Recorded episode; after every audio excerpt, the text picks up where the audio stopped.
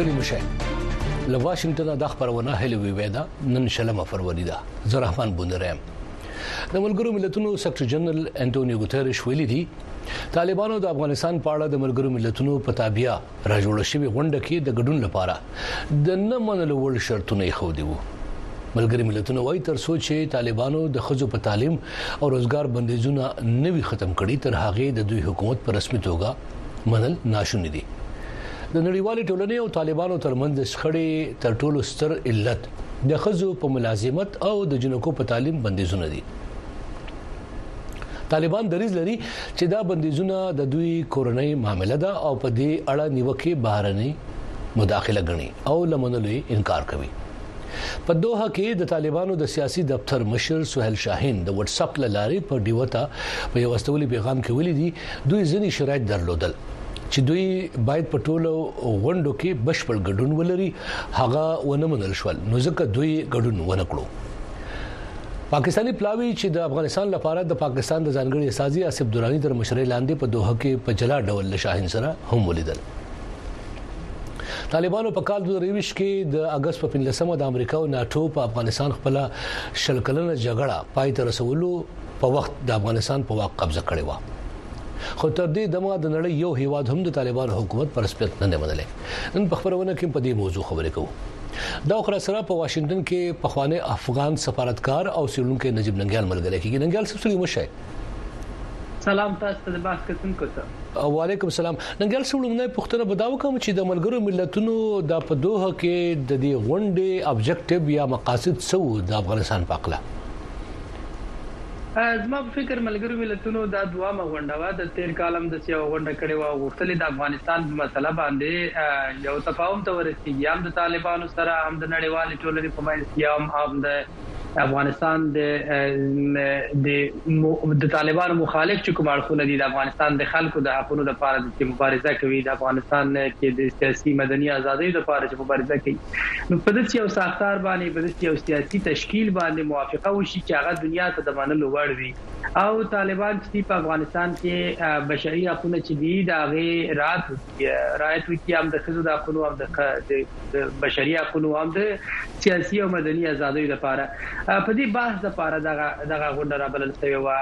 چې متاسفانه طالبانو د دغې غونډې څخه بایکاټ وکړ. او ستاسو پښتنو جریان کې البته وایي چې دومره به لوی خامي دا و چې د افغانستان مخالف سیاسي اړخونه چې واغه د غونډې ته نه وبلل شي بلکې یوازې په مدني فعالانو باندې یا سیول سوسایټي اکټیویستان دي په هغه باندې اکتفا شي واغوي بلل شي نو دغسې یو غونډه وه او تر اوسه پورې خو د دې غونډې نتایج چې دي داسې ښکاري چې د ملګرو ملتونو د توقع خلاف یو څه پېښ شول یعنی مثبت کوم تاثیرات ماته نه ښکاري چې هغه د طالبان د دې ته قائل کړی وي چې هغه د غونډې تر اغلي وای هغه د افغانستان کې د سیاسي تفاهم د لپاره لارې پرانستلو ته ماده کې خوتلې وای او د طالبانو په موضوع خو به تاسو کوم چې سهیل شاهین وایي د ځنی شرایط وو هغه نو منل شوی ځکه د په دې غونډه کې برخه وانه غسا خو د ملګرو ملتونو پرته د نړیوال ټولنې ذکر وکړو نړیوال ټولنه چې دا د دې پرایورټیز یا د لومړیتوبونو چې دی هغه د افغان طالبانو سره د خبرو کې شمولیت یا د دینه پرته نور څه دي چې باغې ځان پوکو زه فکر کوم یو لوی خدشه خو دا ده چې افغانستان بیا د ترهګرو په ځاله بدل نه شي د نړیوالې ټولنې تر ټولو لومړی کنسر هم دا دی چې افغانستان په داسې یو هېواد بدل نه شي چې هغسې د انټرنشنل ټروریستانو لپاره یوه ایجنسي اوسېږي یوه هب اوسېږي او دومه خبره هلته بشري سرغړونې نه وي مثلا د ښځو د حقونو مسله ده دنیا د ډېرو هېوادونو لپاره جدي مسله ده ځکه په هغه هېوادونو کې دیموکراتې ټولنې دي، دیموکراتو ټولنو کې واکمن چې دي هغه د خلکو د رایې په اساس راغلي او کله چې هغه حکومتونه نشي کولای د داسې یو حکومت سره چې هغه شل میلیونه انسانان یې زندې کړي دي او هغوی نه پریدي چې کار وکړي نه پریدي چې تعلیم وکړي دا ډیر بنیادی حق دی نو دغه حکومتونو ته مشکل دی چې د طالبانو سره چې د افیشل یا رسمي تعامل وکړي هغوی ووټونه اخیستي په خپلو هیوادونو کې د دوی په خلاف په خپلو هیوادونو کې ښځې راپورته کیږي د بشر حقونو فعالان راپورته کیږي د مدني ټولنې غړي راپورته کیږي نړیوال انسټیټیوټونه دي چې هغوی دوی ته ګوته نیسي مثلا ولسمشر بایډن نشي کولای رسمي اړیکې ته د طالبانو سره لاړ شي د امریکا په 330 شاوخوا میلیونه ولس کې نیم تر نیمه ښځې دي هغه د په خلاف راپورته کیږي هغه وایي چې تاسو څنګه د یو چا سره رسمي تعامل وکړي چې هغه د ښځو په حقونو باندې باور نه لري بل دا د امریکا ارزښتونه نه دي هغه امیریکن ویلیوز چې ورته وایي هغه نه دي چې داسې یو چا سره دې تعامل وکړي چې هغه دې د ښځو د حقونو په خلاف اوسیږي هغه دې د بشري حقونو په خلاف اوسیږي د مدني سیاسي ازادیو په خلاف دې اوسیږي نو دغه سي مسایل دي چې دنیا غواړي د یو معتدله یو ماډریټ حالت ته ورسیږي چې افغانستان هم د دنيا دې تباهي خواته لاړ نشي او په افغانستان کې د افغانانو په خوخه باندې یو د سې حکومت رامنځته شي چې هغه د نړیوالو ترګرو په ځاله هم بدل نشي او د افغانستان د خلکو حقونه دې هم مراعات شي وي دا یو ټکی چې تاسو په پای کې ویل دا ډیر مهم دی او داسې فکرمندۍ نور هم سیړونکي زه وینم چې لري چې افغانستان تباهي پلو ته لار نړ شي افغانستان بولې تباهي تر پلو ته ځي طالبانو په واکمنۍ کې اخو دا د ولري چې الته کې امن قائم شوه دی جګړې ختم شوې دي په هیواد کې وس د پخوا په پرتله چور چپاول کم شوه دی خلک په خوشحالي سره خپل ژوند تیروي نو تاسو ولې دا سی وایي یا نور څړونکو چې دا فکر کوي چې افغانستان تباهي خواته لار نړ شي دا کم داسې بنیادی شیان چې تاسو په دې ویلو مجبوروي ګوره بنيري صاحب کله دغسې دیکتاتور مستبد نظامونه چې وي په هغه کې د ولس نظارت نه وي ولس نه ګوري چې څه روان دي ولس ته دا حق نه وي چې د سرکار نه پوښتنه وکړي چې دا پیسې دا ټیکس چې زه تاسو درکوم دا چیرته ځي دا د دنیا نه چې کومې مرستې راځي دا چیرته ځي او ستا د نن په دغه پلی اردوګانو کې د پوزونو د نن په چاوڼیو کې دا خلک څوک پراته دي او داس په څه اخته دي ځکه په دغسي حالت کي چي کله په حکومتونو باندي او هغه هم مذهبي افراطي حکومت وي په هغو باندي د ولس نظارت موجود نه وي نو په هغه حالت کي چي دی دی هر څه کولای سي یو څوک نه دی خبر چي د پکتیا په زرمت ولسوالۍ کي څه روان دي او هغه ځای کې چې طالبان راټول دي دغه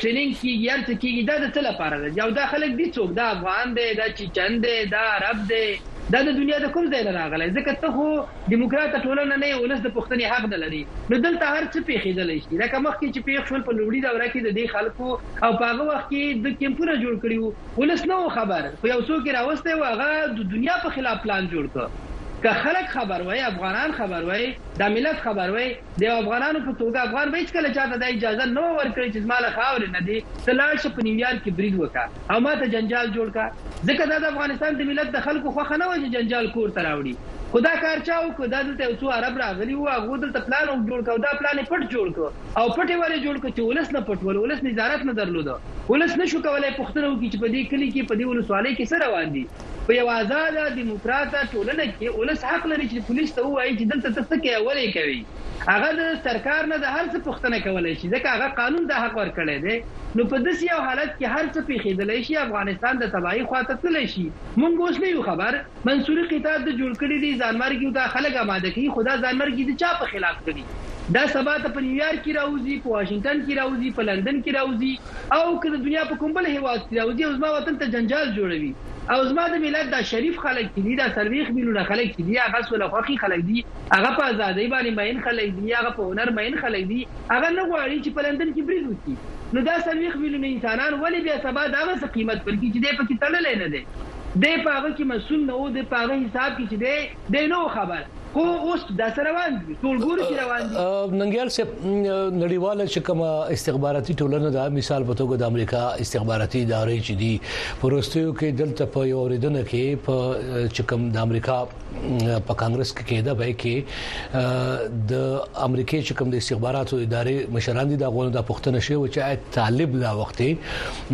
امریکا ته خطر دی یا نور امریکایي اتحادیان ته خطر دی نو غول چې داسې کوم پلان نشته دی کوریا نه اټمي وسله غواړي هغه داسې کوم معلومات نشته دی گویا اروپאי ټولنه یا غربي ټولنه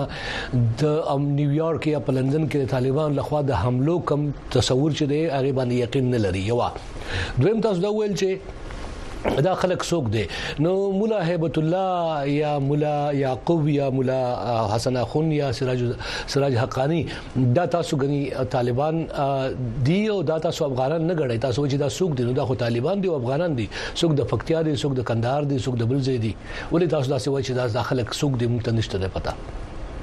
ګوره دا طالبان دي دا د افغانستان دي دا منو درسره دا د پاکستان لاس پوڅي دي دا منو دا افغان دی بای په وینه باندې افغان دی خو دده خوی نه د افغانستان د ګټو مدافع نه دی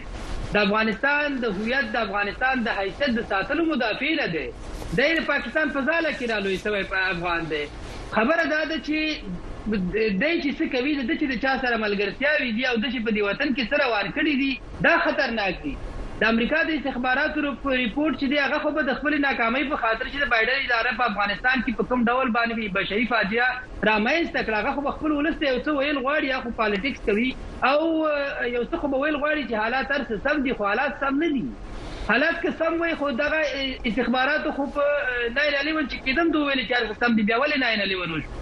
هغه وخت کې ولې د نیویارک په ماڼیو بریدونه کېدل چې په هغه وخت کې هم دلته د دوی استخباراتو خو هغه وخت هم رپورټ سم وو. انټيليجنس فيليور چې دی يا استخباراتي ناکامۍ د دنيا په ډېرو هېوادونو کې پېښېدلای شي. د هغه سره زموږ څه خاص کار هم نشته. هغه دوه پوسه د دوه رپورټنګ پوسه په افغانستان کې د خپل هېواد د د امنيت د ساتلو مسئوليت دوه لري. هغه د دوه کار دی. زموږ مسئله چه دی موږ وايو چې په دې هېواد کې چې څه روان دي زموږ دا خوښه نه ده. موږ په دغه ډول نصاب چې دی دا هره ورځ چې دی په زرګونو خلک فارغوي. او هغه دې ته اماده کوي چې د دنیا کې به د افراطي جهادي ذهنیت لپاره چې کوم خلک ټرین کوي دا د افغانستان په خیر نه دی زموږ د خلکو لومړیتوب دا دی چې څلوېښت میلیونه ولس چې دی وږی دی درې وخته ډوډۍ نه لري دی چې دی ټوله پیسه راخلي بجټ په دې مصرفوي چې خلک ګرمرګي واسکټونه ور واغوندي هغه ته اماده کړي مونږ وایي زموږ ماشومان داسې وروزه چې هغه د وطن سیال کړي د ساینس او ټکنالوژۍ سره آګاه نسل وروزه دی راروزي په مدرسه کي دسي راروزي چي د خلکو د وژلو لپاره يې اماده کوي دا زموږ غوښتنه نه ده او زموږ ماشومان بايد دسي ټرين نه شي زموږ د ماشومانو تربيت دسي نه دی پکار او د افغانستان په تاريخ کي افغان انسان خپل ماشومان د بل چا د وژلو لپاره نه دي ټرين کړي د خپل وطن د ساتلو لپاره او د خپل وطن د دفاع لپاره هغه د هر انسان حق دی خو د افغاني ارزښتونو په رڼا کې د افغانستان د فرهنګ، د افغانستان د تاریخ، د افغانستان د هویت او د حیثیت د ساتلو په اړه په هغه رڼا کې موږ اماده یو چې هغه یو څه ومنل شي، خو داسې یو څه چې هره ورځ دې په زرګونو خلک فارغېږي او هغه دې په داسې ډول فارغېږي چې ورځ تر بله وطن د ډېر زیات افراطي، خشن او د ډېر خشونت نه ډک حالت ته روان وي. ننګیال صاحب یو بل تپوس زما په ذهن کې هم راغی، تاسو ویل چې خلک لوږې پلو ته روان دي، وروستیو کې تاسو به رپورټونه لوستي وي چې طالبانو واکمني چې کوم ده د د برېښنا په لړ کې د درې گاونډي هیوادونو پورچ دی ختم ک دغه رنګ په افغانستان کې د امن د قیام خبره او یا دعوت چې دغه دوی لري نو په ظاهر خدا څخکاری چې افغانستان کې د چکم شروع کې مشکلات هغه ورستر بل کمیږي پورونه نړیوال ختموي معاشي استحکام په لړ کې چکم پیمانه نړیوال خي غدار چې کرنسی افغان روپۍ چې د یا کالدار چې د هغه مضبوطه شوې ده دا خو هغه انډیکیټرز دي چې خایي غني حالت داسې نه دي څنګه چې تاسو فکر کوئ ګوره د د برېښنا بل خو ډیر عادي خبره ده دیکتاتور رژیمونه حتی اټوم بم جوړولای شي تاسو وګورئ په نارت کوریا کې شمالي کوریا کې ولس لولګي مړ کیږي خو مشر یې په دې عقده دی چې اټم بم جوړ کړي. د یوه هستوي وسلې یا د نیوکلیر بم د جوړولو څومره ډېر مصارف دي؟ هغه دا کولای شي؟ آیا دی کولای شي ولس ته دا رضایت ورکړي چې دا خو ډېر روغ جوړ ملک دی، ما تاته نیوکلیر بم جوړ کړی؟ ولس خو هلته د ولکې په حالت کې دی او ولس په ډېر بد حالت کې دی د شمالي کوریا. په ایران کې هم دغسې حالت تاسې واخلئ. په افغانستان کې د ولس د د هوساینې یا د پراسپریټي انډیکیټرونه چې دي هغه نور دي. هغه دا نه دی چې دا څه طالبان په ځینې سمبولیکو کارونو باندې د کابل په څو جادو کې ځینې پري سرکونه دی پاخه کړي یو څو چارایو ته چې دی څلورلارو ته دی رنګ ورکړي. دا د خلکو د غولولو تاکتیکونه دي چې طالبان یې کاروي. د افغانستان خلک چې دي د کابل نه باندې هم اوسیږي په څلور دېرش ولایتونو کې اوسیږي همدغسې د طالبانو په دولتي ادارو کې چې دی ولس څومره ځان ویسي ولس ته ایا د وظیفې اخیستلو حق شته د طالبانو تر ټولو نه غټ منصبونه دومه درجه دریمه درجه پورې منصبونه د چا په لاس کې دي یو داسې بل څوک شته چې هغه طالب نه وي او هغه د طالبانو په اداره کې رئیس په توګه باندې وظیفه سرته رسوي هغه چې د طالبانو په اداره کې دی او باندې یې هېواد ته لېږل شوی، د ډیپلومات په توګه دې کار کوي، د پاسپورټ د رئیس په توګه دې حتی کار کوي، د تذکرې د رئیس په توګه دې کار کوي،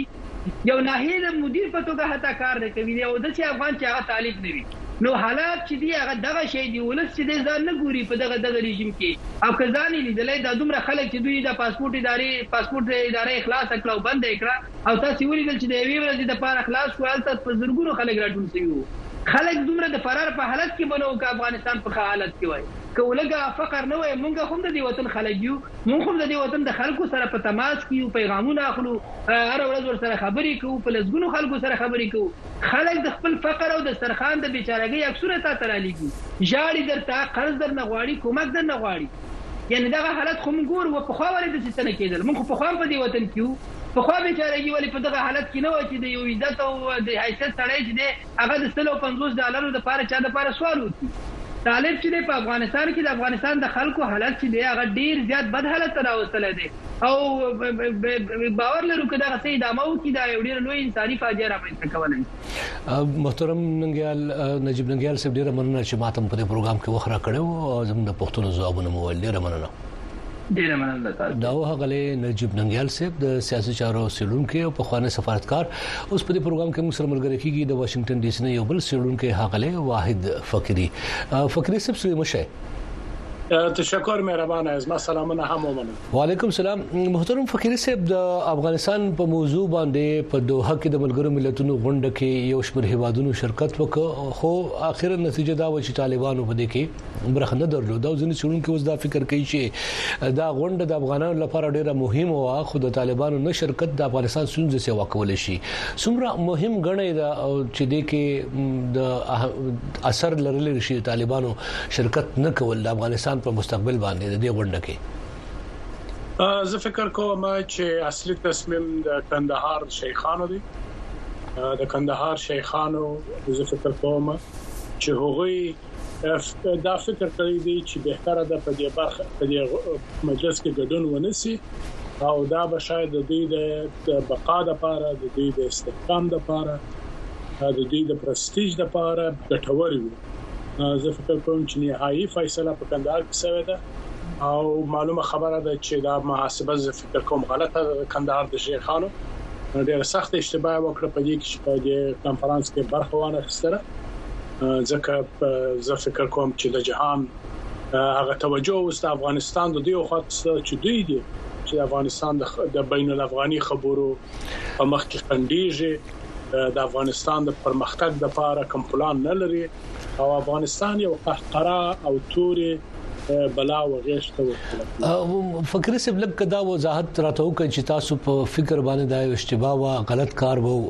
غډونی ونه ک نو دا غلط کار کو ولې غلط کار کو غډونی کړي وې نو څه غټي یا څه لاس ترولنی کې دې شوې کبدي مو پوکړي زه فکر کوم چې د دوی طالبان په دې کې ټکنی و زړه نازړه و تر اخره پورې دغه ویل چې موږ غور کوو مګر بل اخر زه فکر کوم چې هغه خلک زورور سوي دي چې فکر کړی دي چې کپ دې کانفرنس کې موږ ګډون وکړو موږ به د افغان میرمنو د افغانانو د استادو سره چې په دې غونډه کې هم ګډون کړی او ډیر ښه خبرې وکړلې ډېر هغوی سره به مخامخ شو او دا به منو چې موږ د افغانانو سره مخامخ کیږو دا پر دې باندې دلالت کوي چې موږ د نن بین الافغاني مشکل لرو او دا به د جهانيانو هغه ادعا ثابت کړي درسته به ثابت کړي چې وايي دا مسله بین الافغاني ده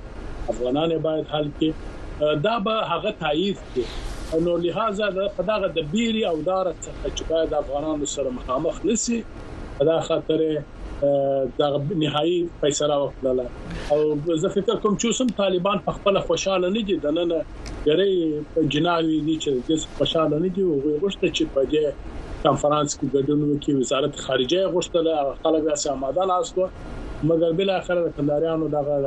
فیصله او فقیر صاحب یو خو تاسو د بین افغاني حل ګورې د دې افغانستان چې وسنۍ کوم وزه ده بل خو بین المللي ټولنه چې دا غړ ډیر فکرمندي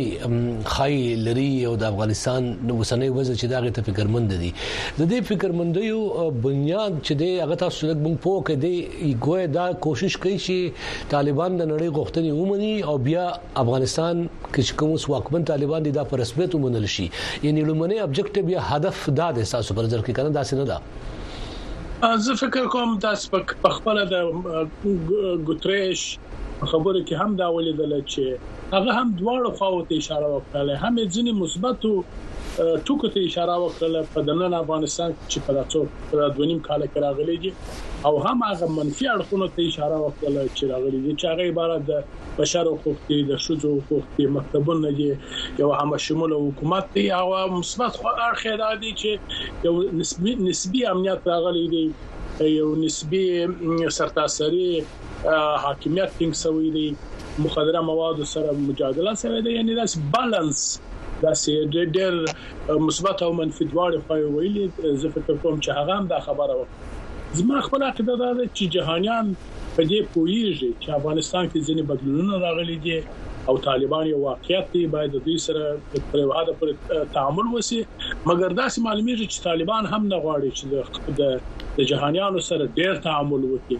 ځکه هغوی د دې څخه ډار لري که ډیر تعامل وسی خلک به موږ تر غاړې ونیسي خلک به موږ زموږ خپل حقوق غواړي افغانان عصري ژوند غواړي یو سالم عصري ژوند غواړي دغه شی نه غواړی لکه ټالبان چی اوس باندی تحمیل کړی دی دغسی احقرایی دغسی تک تور رژیم نه غواړی افغانان روښانه رژیم غواړی دمدلون د کاروان سره حرکت غواړی دا زه فکر کوم چی افغانانو حق دی او دا د د ټولو دغه خلکو چی دلته اوسیږی که دا پښتانه دی که نور دی د دوی ټولو په خیر دی چی یو درست حکومت ولري یو متمدن حکومت ولري او د تمدن د کاروان سره هم نوا حرکت تاسو په شروع کې یو ټکی بل ماته ویل او زه غواړم چې هغه لږ واضح کړئ تاسو ول چې د کندهار د شیخانو خوخه ویا فیصله و په دوه غونډه کې د برخنا غستو او بیا دا یو اشتباه او غلطه و ګوې د دین تاسو داسې ول غواړئ چې په طالبانو کې ځنې ډلې یا ځنې شخصیتونه داسې دي چې هغه د قندهار د شیخانو تاسو په قول د دغه خیال سره متفق نه دی او غواړي د نړیوال ټولنې سره یو ځای قدم واخلي د افغانستان د مسلې چې نړیوال څنګه حلول یا حل کول غواړي دا غي مطابق دی وسره لاړ شي زه فکر کوم باندې او دا سه ورته لسته پدې کې چې هغه غواړي د افغان د دنیا سره موازی حرکت وکړي په دې پیږي چې افغانستان وکومکونه ته ضرورت لري افغانستان ډېر په بد حالت کې دی د اقتصادي لحاظ د انزوا ده او څو پورې چې دا انزوا رفع نشي افغانستان تجاران بورجوازي دا ټول لکه خفه کړي چې چاوي لکه چا چې تر غاړې نیولې وي سا بند بند کیږي یعنی د ټوله اقتصاد سا بند بند کیږي ټوله اقتصاد تاسو پیژنئ دا اوس عادي خبره ده ټول پیژني چې افغانستان و نور دنیا ته ضرورت لري تجارت ته ضرورت لري خلک تګ راتګ ته ضرورت لري نوې ټکنالوژي چې باید راسي افغانستان ته دې ته ضرورت لري یعنی ټول ملکونه باید په دغه ساحه کې یو نو رسمي تعامل سره ولري افغانستان د دغه رسمي تعامل څخه راګرځول شوی دی ځکه بندیزونه دي طالبان په رسمیت نه دي پیژندل شوی او دا ټول ولس ټول اقتصاد را حساب کړی دي د پرمختګ څخه را حساب کړی دي یعنی واقعا هم زه فکر کوم چې د افغانستان لپاره لوی zarar دی دا د افغانستان پر رسمیت په پیژندل سي د جهان سره باید یو رابطه ټینګه سي او دا رقم چې اوس طالبان روان دي دا طرز فکر په دغه د بری د اثر د د هغه د 1809 کال یا ارتو کسو او کال مخکې په فکر طرز فکر په اوسنی جهان کې ژوند نه کیږي امکان نه لري یا یا به وخت یا به وخت تاسو دروي او یا به خپل حرکت کوي او وخت نه دريږي وخت حرکت کوي زه یو بل دوه تاسو نور لرم خو یو بل ملمت اول په خیر علي ويم بیا تاسو ته بسونه کوم سره وتلی افغان سیاسي شخصیت پخوانی والی او چارواکي هغه شاه محمود میاخیل سره ملګری کیږي میاخیل سره سړي مشه سلام دې ورسېږي تاسو ته او تاسو خدمت مجبور کړو ډیره مننه میا خیر سبز تاسو په لور تر اعظم د فقيري سب نه یو دوه ته پوسون نور کوم د رسخه توم بیا تاسو سره نور باس کوم تاسو را سره یو دوه دقیقې لګ په انتظار پاد شیخ په نشرانه فقيري سب تاسو ول چې معاش او اقتصاد ذکر مو کو خو ورستي رپورټونه چې طالبان له خو خبره شوې دي خو تاسو د خبرې سره یو شان دا غبل شان دي مثال په توګه غداوي چې په ورستیو کې طالبان په واقع د اتګ نورستو افغانستان کرنسي خشبه ده افغانستان گاونډیو چې کم پورونو د برېښنا ختم کړل صادرات او واردات چې کم دی پای کې ډېر فرق راغلی دی افغانستان چې د مليونو سونو میلیونه چې دی هغه پیسې د خپل تجارت په مت کې کورت راوړي دي خپل مالونه خرڅولې سي واکړي دي هغه خدا قسم دا ویل لري او تاسو البته وایي چې هل تک معاشي فقر فقر او مشکلات سي واقعي ورستر بلا البته رپورټونه بل شان وایي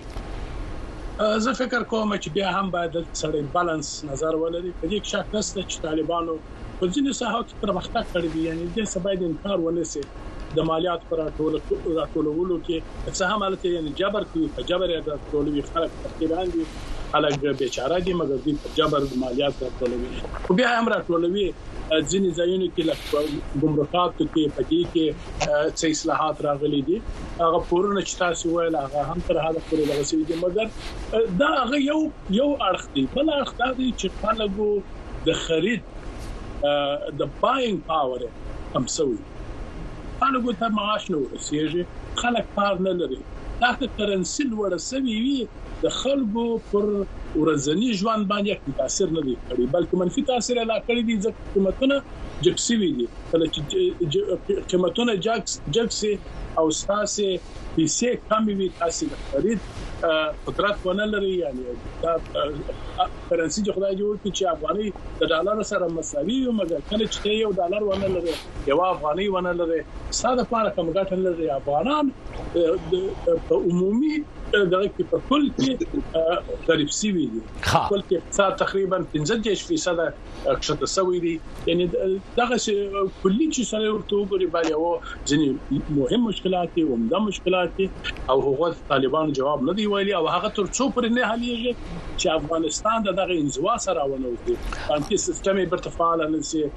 راکړه داسې د نورو سره فعال نه سي هغه صورت کې بل او بیا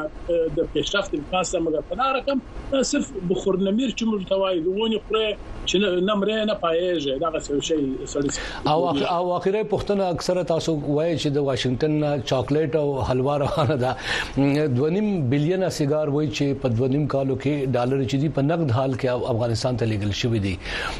دا هم تاسو فکر کوئ چې تر اوسه پورې کوم مشکلاتو کې د ښکیل نه دی یا دومره جوړ نه دی ورپریوتی نو د امریکا لخوا چې کومه نقد کومکونه روانه ده دا یو لامل کې دی شي به شکه دا ډېر ډېر پیسې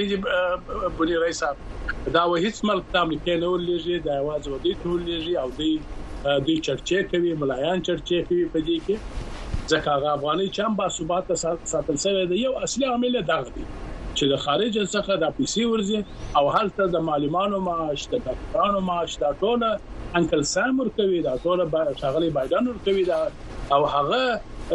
طالبانو ته د دې موقع برابر کړی دی چې هغه پیسې چې پاتې کیږي د بودیجې کې هغه پر امنیتي مسایلو ولګوي طالبانو ډېر لوی لو خبره چې کړې ده امنیتي مسایل ته ډېر مخ کړی دی ځکه دوی پیږي چې باید په جبر په زور د سوتي په زور باید خپل حکومت وساتي لہذا دوی و جنگیالیو ته ضرورت لري او هغه فکری باید فکری هم کار باندې وسی او راجلب امس راجلب سي او پیسې وي چې دې خلکو ته معاشونه ورکړي چې دوی دغه پیسې ټوله پر امنیتي او پر نظامی برخو باندې لګوي یعنی هغه افغانستان لپاره کومه ګټه نه لري د یو دیکتاتور رژیم لا نور هم ټینګیږي محترم واحد فکری سیب ډیر زیاته مننه چې ما سره ملګری شوی تشکر مهربان هستي واحد فقري صاحب په واشنگټن کې افغان سیلونکو دی او دا خره سره ملګری دی په خوانه والی هغله شامو میاخل سم میاخل سم یو ور بیا سړي مشه ډیره مننه چې ماته مو خره کو انتظار لپاره بخنه درنه غواړم په دوه کې د ملګرو ملتونو د تابع شوی غونډه کې طالبانو شرکت نه کول په دې بدل ته پوسونه کوم خو لږ تاسو نظر په دې اخلم چې د دې غونډې ابجیکټیوز مقاصد یا اهداف سو دې غونډې غوښتل سو بیا سلام دی ورسېږي تاسو ته او تاسو قدرمنو لیدونکو ته وعلیکم سلام افغانستان موجوده وضعیت چې کوم یو ده په بعضي شانو کې نړیواله ټولنه او یا منطقي هوادونه موافق دي چې افغانستان کې بیا جګړه نه وي افغانستان کې یو مشروع او قانونمن حکومت باید رامنځته شي د ټول افغانانو حقوق د خځو او نر حق باید تامین وي نو دا هغه شی دی چې توافق په دې معنی شته دی اما په عین حالت کې چې دغه اهداف ته څنګه ورسیږي نو اختلاف د نظر موجود دی اختلاف د نظر د افغانانو په منځ کې موجود دی د سیمې هوادونو په منځ کې موجود دی او همدارنګه د نړۍ د نورو هوادونو ترمنځ اختلاف د نظر په دې کې موجود دی چې دغه اهداف چې افغانستان بیا سیمه ته دنیا ته خطر نه وي او همدارنګه خپل افغانان په سوله او امن کې سره نو دا اختلاف موجود دی نو همدا علت دی چې د ملګرو ملتونو د امنیت شورا فیصله وکړه چې افغانستان لپاره یو خاص استاد باید تعین شي او خاص استاد وظیفه دار چې په منطقه کې همدارنګه په دنیا کې او د افغانانو ترمنځ یو تفاهم رامنځته کړي یو منځګړی لاره هغه تګلاره د آینده لپاره چې افغانستان څنګه د جنگ نه مخنیوي وشي افغانستان کې بیا ټوریزم یا افراطیت وده ونی کی مواد مخدر الته وده ونی کی او بل اخر افغانان ټول په یعنی افغانستان د انزوا د حالت نه ووزي او د نړیوال ټولنې جز شي نو دې لپاره دغه غونډه مهمه وه ځکه تاسو معلومه ده چې دنیا کې نور ډیر مسایل روان دي او دنیا یا منطقه چې بیا د افغانستان لپاره دغه یو زمينه مساعده چې د افغانستان مسله مطرح کی نو د دې یو تاثیر دا دی چې هم د افغانستان مسئلې نه تشویش لري او هم غواړي چې یو لارې حل وته پیدا کړي خو متاسفانه چې مسائل لږ مشکل دي او زه فکر نه کوم چې لارې حل مو ته په اسانۍ پیدا کړي شاوند مې خل سپ تاسو د استاذي ملګرو ملتونو د استاذ ذکر وکړو کوم رپورټونه چې راغلي دي یای کې هم دا ویل شوی دی چې د دوه په غونډه کې د افغانستان لپاره ځانګړي استاذ د ګمارل کېدو باندې طالبان ته اعتراض دا چې په دې به باس نه کیږي او طالبان د افغانستان د یوازې استازي په توګه ومنل شي د طالبانو تاسو فکر کوئ چې ولې د استاذي نړیوال استاذي ګمارل کېدل چې دا د متقبل نه دی یا په دې اړه باندې د بحث کول نه غواړي طالبان خو داسې فکر کوي چې یو یوازنی حاکمه ډله ده چې د ټول افغانستان او د افغانانو استازولي کوي نو د خاطر دیو د چا سره مقابل کې یعنی واقع نه دي نو که استاد تعینېږي هغه باید د مخالفو ډلو ټپلو سره چې د طالبانو سره موافق نه دي هغه سره به اړیکه نیسي او معنا دا ده چې یو مقابل لوري پیدا کیږي نو طالبان په دې خاطر باندې د دې مخالفت کوي چې نه که د افغانستان مسله مطرح کیږي نو یوازې موږ دلته حاکم یو نور څوک په افغانستان په مسایلو کې حق نه لري نو دا په خپل یو نوځدو تضاد مسایل دي چې دوی مطرح کوي او دې ته هغه زموږ استاد سي په عامي عام اسلام باندې دې ته یا کتازي وایي چې موږ قدرت نیولای دا نو چې څه موږ ویو هغه باید وشي نو دنیا باید موږ پر رسمیت باندې وپیژني دنیا موږ سره باید کومک وکړي دا چې موږ په داخل د افغانستان کې څه کوو که مکتبونه بندو که د خلکو حقوق مخه نیسو خلکو ته د بیان ازادي نه ورکوو قانوني اساسي نه لرو یا نور مسایل دي دې کې د چا کار نشته دا زموږ داخلي مسایل دي فقط تاسو موږ په رسمیت وپیژنئ او هر څه چې موږ غواړو هغه موږ ته راکړئ نو په دې خاطر باندې یو لوی اختلاف د نظر په دې کې موجود دی شاوند خلک دوه ټکي ډیر مهم یو خو په رسمیت منل دي بل د افغانانو خپل منځه د دې سنځي او حل ته یو فکر د پاګې د پوسټ کوم خو یو کګاونډي هیوادونه چې د افغانستان د دې رول تاسو څنګه وینئ مثال په توګه چین دی روس دی پاکستان دی داسې نور ګاونډیان دي او هغه دغه فکرمندي په دې لړ کې لیدل کیږي خپل طالبان په دې باندې ډیر زیات زور ورکوي چې نړیواله ټولنه دې په رسمیت اول وپیژني نو دا د گاونډیانو رول په دې کې دا ډایلاګ یا مکالمه چې د مخ ته وړل تاسو فکر کوئ څومره د سره فکر مندې دي او دا دې طرف ته تاسو فکر کوئ چې لاړ بشي گویا د رسمیت منلو چې کوم ډیماند د افغان افغان طالبانو یا غوښتنه د دې منلو سلار راوته شي نو رسمیت خو اول دا ده چې کله رسمیت مسله موږ بحث کوو د نړیوال مشروعیت نه په خپل ملي مشروعیت زیات مهم دی ځکه چې یو ملک ولس نه ته خپل مشروعیت وانخلې ته قانون اساسي ونه لري سالته د خلکو حقوق محفوظ نه وي د ولس او د حکومت ترمنځ یو سوشل کانټرکټ چې ورته وایي قرارداد موجود نه وي نو دا مشکل ده چې یوازې په ظلم او استبداد او د ټوپک په زور باندې الته حکومت وکړي چې دا یو برخه ده مسلې ده دویمه مسله دا ده چې د منطقي هر هیوادونه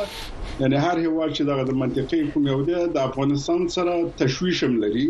فکر کوي چې کچېره طالبان سقوط کوي یا طالبان په رسمیت نه پیژندل کیږي په افغانستان کې وضعیت خرابیږي نو دلته مختلفې افراطي ډلې دي چې هغه بیا کولای شي چې د نور ملکونو کې مداخله وکړي په تاوده مثال پاکستان د ټي ټي پی نه تشويش لري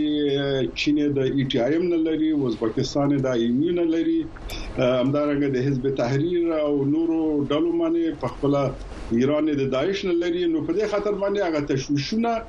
ټول د افغانستان نه لري په عین حالت کې همدغه علت چې تر اوسه پورې د یو ملک په تعامل لري د طالبانو سره چې د په سیاسي اسلام منفي تعامل وي اما مثبت تعامل نشته ځکه چې دیو پر رسمیت نه دی پیژندل او دغه تشویشونه اوس پورې رفع شوی نه دي بل مهمه مسله دا ده چې یوازې منطقي هوادونه نه دي بلکې د افغانستان مسله نړیواله مسله ده اوس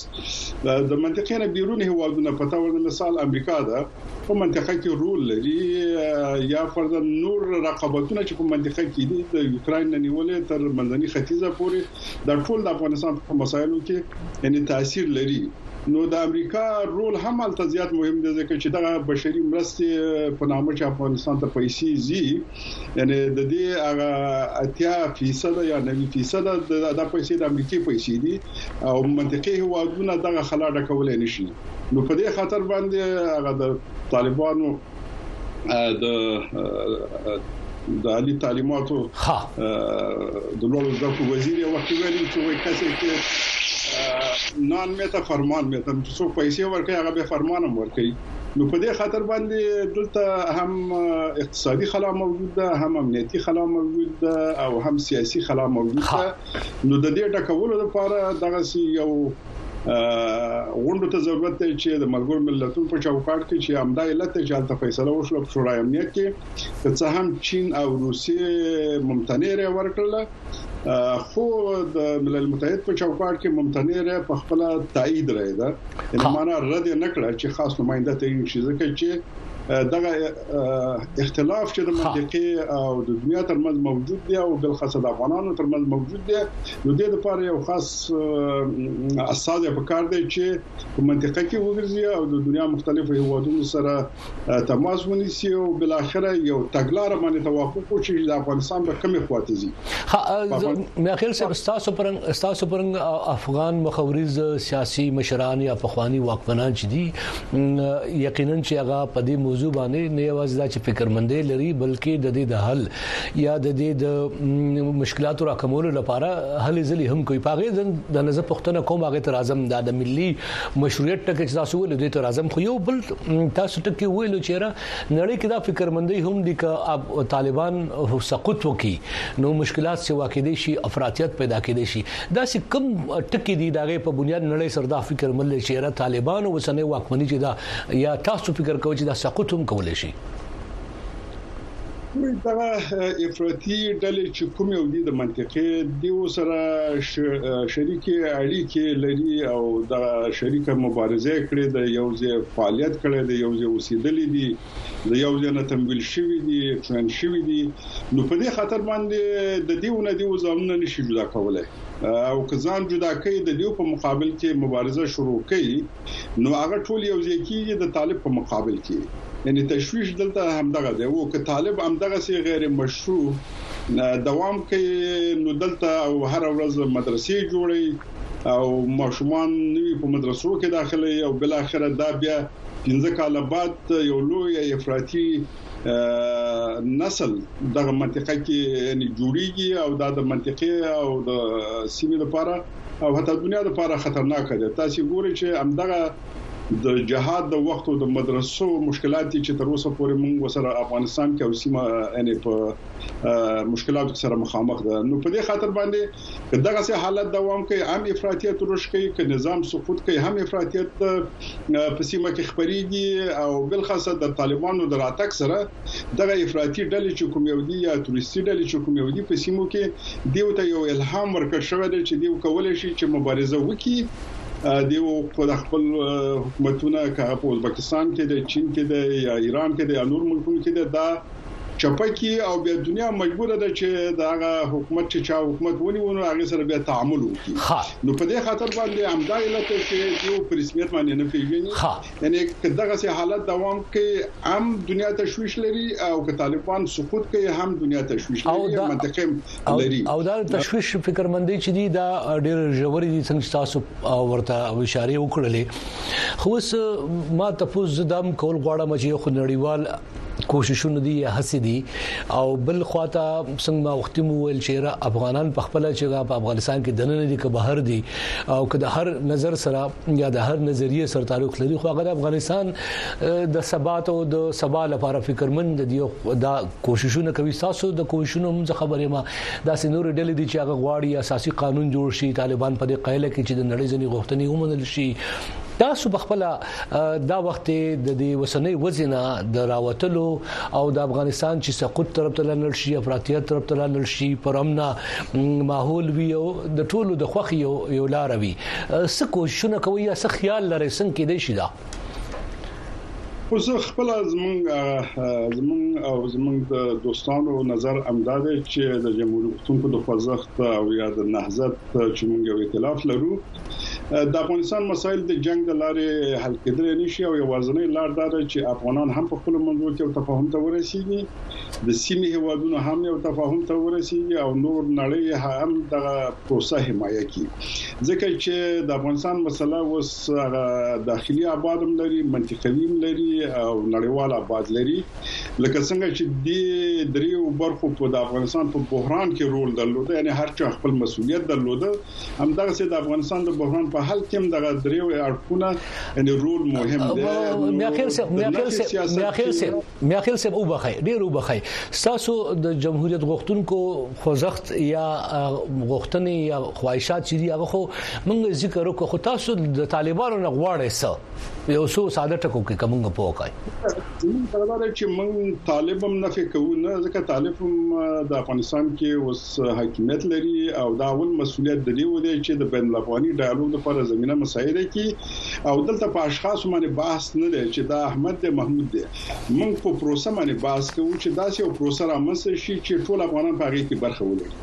د پروسې په نتیجه کې په طور مثال یو ملک بې د قانون اساسي نه امکان نه لري چې هلته دوام پیدا کړي. د قانون اساسي په جوکاټ کې بیا مجبور دی چې ولس خپل حکومت تعین کړي او دغه طالبانو ته که ولس رای ورکړله، دا باید خلک ومني ځکه چې ولس به همدغه شی غواړي نو په دې خاطر باندې موږ یو چې نه طالب نفي شي نه نور ولس باید نفي شي او هر چا ته چې چاته ریا ورکوله بیا به سړی مغه منی یو یو اصول لاندې باید په افغانستان کې خلک ژوند وکړي طالب هم د افغانستان کې د ژوند او کارو سیاست حق لري زم لرم بل افغان هم لري سره دا چې ولست چا تر ورکه څوک ته یی نه دا د ولس کار دی که موږ دا باس کوو چې نه پخوا انتخابات خراب شوی دی جمهوریت کې دا او هغه نو دا خو وسم دا موجود دی نو که هغه انتخابات خراب و تاسو خې انتخابات وکړي تاسو شفاف وکړي زمينه وته مساعده کوي نو په دې خاطر باندې زه فکر کوم چې کوم په اصول باندې توافق ونکو په افراد باندې په اشخاص باندې دا مشکل ده چې د افغانستان مشکل حل شي اصول په خپل بیا هغه سیستم چې رامنځته کیږي هغه بیا په خپل مشران هم تعینې سیستم هم تعینې حکومت هم تعینې هغه ټول حل کیږي سره یعنی یوازنې لارې دا ده او زیات دوستان زموږ داسې فکر هم کوي چې نه افغانان چې نه جنگ یوازنې د لارې حل ده خو زه خپل او زموږ دوستان چې دي دیو د جنگ طرفدار نه دي ځکه جنگونه موږ د 350 کال وکړل خلک دیموکراتیک ګوند راغی یو حزب حاکم شو نور یې ټول نفی کړل، نتیجه داخلي جنګونه شول، مجاهدین راغلل ویل یې چې موږ قدرت نیولی دی، روسیې ته هم شکست ورکړی دی، عین لکه طالبان چې فکر کوي یعنې شرقي شوروي اتحاد ته نو بل څوک په حکومت کې حق نه لري، نتیجه یې ورنه کړه، د بن نه بیا طالبان راغلل، طالبانو بس بیا هم ویل چې موږ یوازې حاکمه ډله یو، نور څوک په حکومت کې حق نه لري، نتیجه هماغه شوله چې طالبانو سقوط وکړ. د بن مسایل رامنځته شول بن یو نسبی یو تفاهم رامنځته شو چې منطقوي نړیوال او د افغانانو په منځ کې اما مکمل نه ځکه چې هلته طالبان نفي شو د نفي په سیاست کې بیا طالبان رامنځته شول په غنور عوامل بحث نه کوو چې څوک څوک تقویه کوي انګیزه چې شی او نور مسایل خو واقع دا چې دلته د نفي سیاست رامنځته شو یعنی طالبان بيخي نفي شول د منځ یوړل شول نتیجه ورنه کړه اوس طالبان بیا راغلي دي دیو بیا ماغه تیره زړه پالیسی چې د ناکامۍ باعث شوه دا هغه بیا تعقیبوي فکر کوي چې موږ په زور راغلي او دنیا تم شکست ورکړی دی او موږ بس الله تعالی را لګلی او ارڅ به زموږ په لاس کې وي مګر الله تعالی هم انسان ته د مشورې حق ورکړی دی انسان ته حقوق ورکړي دي الته وجایب دي مکلفیتونه دي نو دی وزن د الله تعالی د دغه نم پورته غني چې نه موږ چې څه ویو هماغه صحیح دي او ټوله دنیا باید هغه ومني او افغانان هم هغه ومني نو زه فکر کوم چې دغه سي فکر یا دغه سي انحصار د قدرت دوام پیدا کولای نشي دا چې کال په سقوط کوي 15 کال په سقوط کوي دا جدا مسله ده خو دوام پیدا کولای نشي ځکه تیر رژیم هم دوام پیدا نه کړ دا دوام پیدا کولای نشي نو په دې خاطر ویو چې د جنگ د مسایلو حل نه ده یوازینۍ دا ده چې افغانان په خپلو منځو کې منطقوي اجماع او بالاخره نړیوال حمایت رامنځته شي چې کله ملي مشروعیت رامنځته شو بیا نړیوال مشروعیت په خپل رامنځته کیږي هغه کې څه مشکل نشته محترم شاه محمود میاخیل صاحب ډیر زیات مننه او په دې موضوع چې تاسو جمهوریت غوښتونکو خوځښت د افغانستان سپیشلې بیرغ غواړي ورپیږي په هیواد کې اساسي قانون وي د ټولو نظریو لرونکو خلکو او د ټولو طرفینو ترمنځ ډایلاګ وي مکالمه وي او یو پر امن فضا کې د دې مسلې حل راوکل شي په دې موضوع بیا هم در سره پاینده کې خبرې کوو زه ډیر مشکور یم تاسو ماته وخت راکړو ډیره زیاته مننه ډیره مننه شاه محمود میاخیل صاحب اوس موږ سره ملګری کیږي په خواني افغان چارواکي سیرونکو او خبريال اغله کمال سادات کمال سادات صاحب سره مشه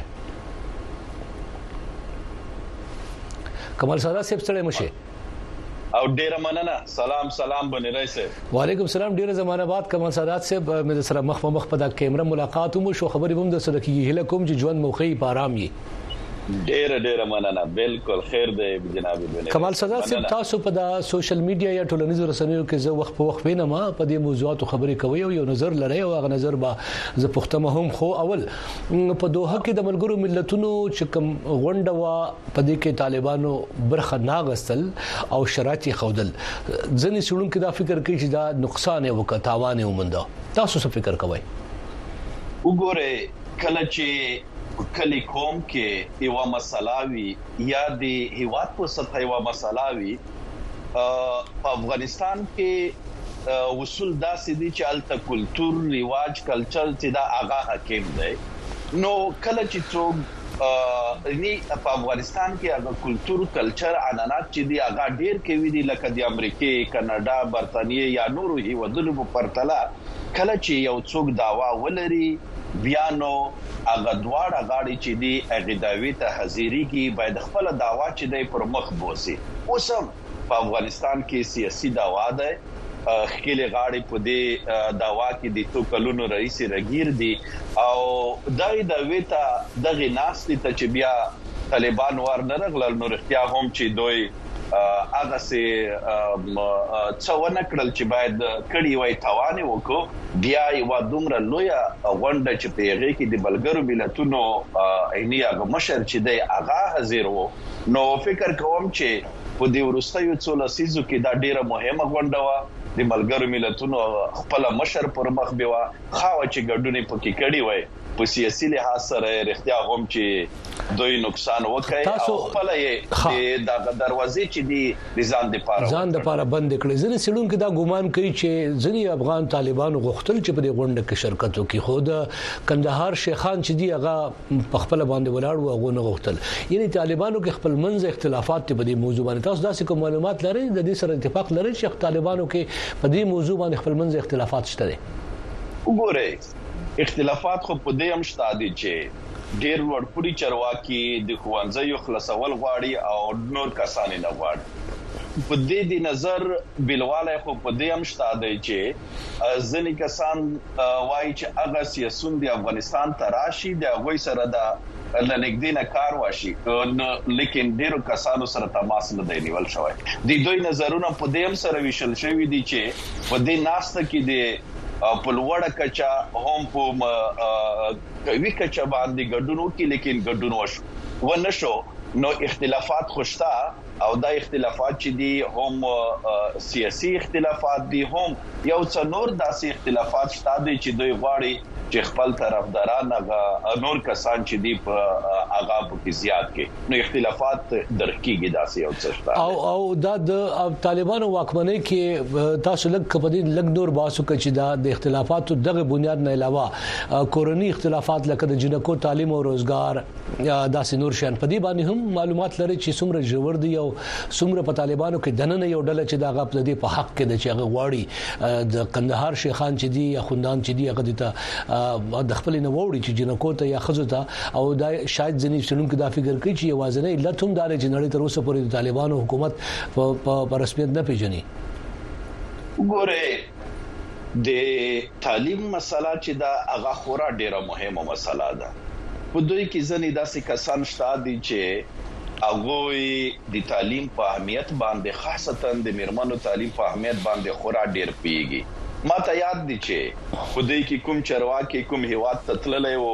دغه جګ جګ بیلډنګونه یې کتلي وو بیا یې کومې راډیو سره تلویزیون سره خبرې کولې ویل یې چې دا مې ارمان دی چې د زه د جګ بلډنګونه مې همداسې افغانستان ته په لاس کې راوړي وای نو ځنې داسې کسان شته چې هغه د تعلیم طرفدار دي او غواړي چې لکه نورو هیوادونو کې چې جینکۍ میرمنې تعلیمونه کوي دوی هم وکړي. نو ځنې کسان چې دي هغه ډېر سخت دريځه دي، هغه نه غواړي په بېلابېلو دلايلو له امله چې جينکۍ ښوونځيو ته ولاړې شي. يوه خبره، بله خبره دا چې د ښوونځيو د بندېدو يو لامل دا هم کېدای شي چې يو طرف ته مکتبونه بند وي نو کورنۍ جينکۍ به مجبور شي چې ديني مدرسو ته ولاړې شي او هلته خپل درسونه ووايي. نو نظریې، سیاستونه دلته بیلابیل دي، سره ویشلي دي او زه فکر کوم چې د انس حقني یا نور کسان چې دي هغه غواړي چې تعلیمونه په افغانستان کې وي، جینکۍ تعلیمونه وکړي او همدا شان د بهرنیو چارو معین چې ده سیاسي معین هغه نور کسان غواړي چې تعلیمونه دې وشي خو ځنی کسان یعنی اختلافات شته ډول بلاک دی خو اختلافات شته ژور اختلافات دي په بهر نړۍ کې مشت افغانان زیاتره چې زاورما ځنی داسې نه دي خو زیاتره داسې زاورما چې د طالبانو واکمنۍ ته وایي چې دا یو متمدنه و متمدنه واکمنی نه ده دا یو تکتور رژیم دی تاسو طالبانو واکمنۍ ته هم دا سي ګوري چې دا یو تکتور رژیم دی او متمدنه واکمنی ده د افغانانو د ملي مشروعیت د حق نه لري دی تاسو هم دا فکر کوئ ګوره حکومتونه دولتونه یا حزبونه اغا دي چې اغا ملي ګټي چې دی په نظر کې ونیسي او ملت ته د منلو وړوي کله چې ملت د ویډلې نه خوخ نه وي د ملت غوښتنو ته لبیک ونه ویل شي، سم ځواب و نه ویل شي، نو هغې ته به په کومو معناوو سره ملي حکومت ووایو یا به هغې ته مشروعیت ورکړل شي، خپله چې خلک د هغوی نه چې کومې غوښتنې کوي، خپلو منځونو کې چې اختلافات وي، د کومې لویې ملي موضوع پر اساس باندې چې هغې باندې جوړجاړی ونه شي. نو تا خو نه ملت ته مشروعیت پیده کولای شي نه هغه نړیوالو ته د منلو وړ وي نو په دې اساس دلته مهمه مسله دا ده چې حکومتونه هغه وخت مشروعیت پیده کولای شي چې د خلکو په خوښه راشي د خلکو په خوښه په دې معنی چې انتخابات وشي د خلکو په خوښه په دې معنی چې داسې اساسي قانون جوړ شي چې هغه د لویې جرګې لخوا ومنل شي. او یو ولسمشر جمهور رئیس چې دی هغه یې پاس کړي. په دې صورتونو کې حکومت مشروع وي، حکومت خلکو ته، نړیوالو ته، ملګرو ملتونو ته چې دی د منلو وړ وي. که چیرې داسې وي چې د ملګرو ملتونو د منشور خلاف وي، د هغوی کړنې، پالیسۍ، د هغوی سیاستونه نو هم په د ملګرو ملتونو له منشور مطابق نه دی، هم د نړیوالې ټولنې، بیا هغه ته مشروعیت مشکل دی خو کمال سره خو کمال سره سیب تاسو څنګه د طالبانو نه د جمهوریت یا د دیموکراسي یا د انتخاباتو غوښتنه یا خواهش کوي ځکه چې هغه خو د کفري نظام غني او امارت اسلامي نظام چې دی هغه یوازنې د شریعت او قران مطابق د نفاذ او فضای کولو خبره کوي نو ته یا تاسو شان خلک دا تصور د دین د دین څنګه کوي په کوم بنیاد دا فکر کوي چې دی به ستاسو دې غوښتنې ته تیار شي چې انتخابات به وکړي او د ټولو افغانانو د خواهش مطابق به یو حکومت جوړ کړي. کله کله ځینې حزبونه ډېر قوي دریځ ونیسي، خو د وخت په تېرېدو سره حالاتو ته په تغییر راتلو سره هغه خپل دریځونه بدلوي. تاسو ته به یاد وي چې د اوسنیو. طالب چارواکو ویل چې چې یو بهرنۍ وګړی وي او دوی د مذاکرات نه کوي لیکن نړیواله ټولنه او په افغانستان کې مذاکرات هم پیل شول بل خبره دا چې سیاست په دې نه کېږي چې څوک دی یو خبره مضبوطه کلکه ونیسي سیاست په دې کېږي چې شاوخوا ته وګوري نورو هیوادونو ته هم مثال هیوادونه هم مثل هیوادونه په دې معنی چې اسلامي هیوادونو ته په پاکستان کې جمهوریت دی په نورو اسلامي هیوادونو کې جمهوري نظام دی نو په دې اساس په کار دی چې په افغانستان کې هم داسې یو نظام وي چې هغه لکه جمهوري نظام هغه انتخابات وي د خلکو خوښه وي او نور هغه څه چې په هغې باندې یو ملي اتفاق اتحاد راتلای شي داسې حرکتونه باید ترسره شي نو موږ توقع لرو چې داسې یو څه به وشي ځکه چې د خلکو هلې ځلې د نړیوالې ټولنې فشارونه داسې بریخي چې داسې یو څه امکان شته دی یو اخیری پوښتنه د تاسو فکر کوئ چې طالبانو تر اوسه پورې د افغانستان اساسي قانون ولې پر ځای نه کوي یا جوړوي نه یا تر ولې ډډه کوي تر اوسه پورې په دې موضوع څه فکر کوئ د اساسي قانون خو شته دی په هغه کې داسې قانون دی چې هغه د افغانانو له خوا جوړ شوی دی، ملګرو ملتونو منلی دی، دا چې دوی تر اوسه پورې په دې کې نه دی رد کړی، په دې کې هم ځنې سیاسي اهداف شته دي، هغه دا چې دوی تر یوه بریده پورې خپلې هغه سیاسي غوښتنې یا د دوی د امارت غوښتنې چې دي هغه به تر څو کلونو پورې پر مخ بوځي، خلک به ورته اماده کړي، فکرونه به ورته جوړ کړي، له هغې وروسته به دوی. داسې یو کنون ولس ته، خلکو ته یا څېړونکو ته ورمخکې کړي چې هغه دوی ته دې اوکې رایه ورکړي. نو کنون جوړول مشکل نه دي، دلته سیاسي اهداف دي، یو څه وخت نور هم پرې تېروي تر څو د خلکو فکرونه، ذهنونه ورته اماده کړي او خلک یې ورسره ومني. ډېره مننه محترم کمال سادات صاحب، هیله کوو چې تاسو سره مو ملاقات هم وشي. ښه ژوند درته غواړو، ډېره مننه چې ماته مو وخت راکړ. ډیره مننه جناب غنی رئیس صاحب په مخه مخه دا هغه کمال سادات زه ورکوډي د ماخلم چې برته راشم نو په دې پروګرام کې د دې پروګرام نرستو سره روان دي د هغه یو لنډه خلاصه درته وایم خو ولې ودما راسره اوسئ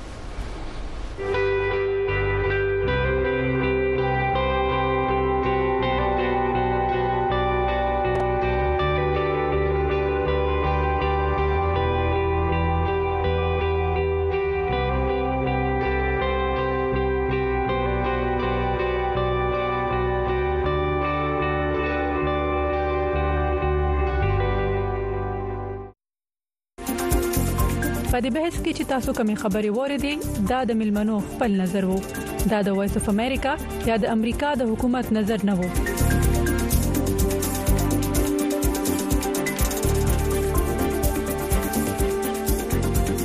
د افغانستان په موضوع دوه ورځې وړاندې په دوحه کې د ملګرو ملتونو د سوري لاندې غونډه کې طالبانو شرکت نه وکړي د دې اثرات څه کې دي شي د نړۍ اهداف سدي او د افغانستان د مستقبل په حق لا افغانانو فکرمندي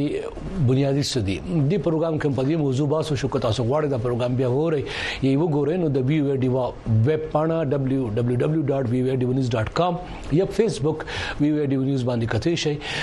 سولو زو کې بل خبرونه شروع کیږي په پاکستان کې پاتمه فروری چې کوم انتخابات یو دا غي روستو تر اوسه پورې په مرکزی کچه او په صوبایي کچه باندې په حکومتونو جوړولو کې چې کوم خندان دي یا چیلنجونه دي په دې باندې خاص کر په خیبر پښتونخوا کې حکومت جوړولو په لار کې مشکلات سدي او دغه صوبه چې د په مالی توګه یا معاشي توګه باندې څومره د مشکل سره مخ ته او راتلونکي حکومت کسو کوم جوړ کی هغه ودی نه څنګه وباسي باس کې دونکو دی په راتلونکو خبرونه کې لوی خیبر پښتونخوا کې او دغه پروګرام کوربه دی نو شروان کلندر صاحب د دینه پرته نن خبرونو کې به تاسو یو شمېر مهمو موضوعاتو باندې باسونه اوري د پاکستان د الیکشن انتخاباتو نه پرته د افغانستان د نړۍ د اسرایل او امریکا یوکرين په موضوعاتو باندې خاص کر که تاسو د وی وی ډیوه خبرونه ته لاړ شئ او په هغه کې ویب سټ ولټوي نو نن چې کوم مهم خبرونه دي په دې کې تاسو کتل هم شئ او په خپل فیسبوک یا ویب ټوئیټر باندې یا په نورو سره باندې شریکول هم شئ هم دا د نوو پروګرام د رحمان بونریم په مخه مخه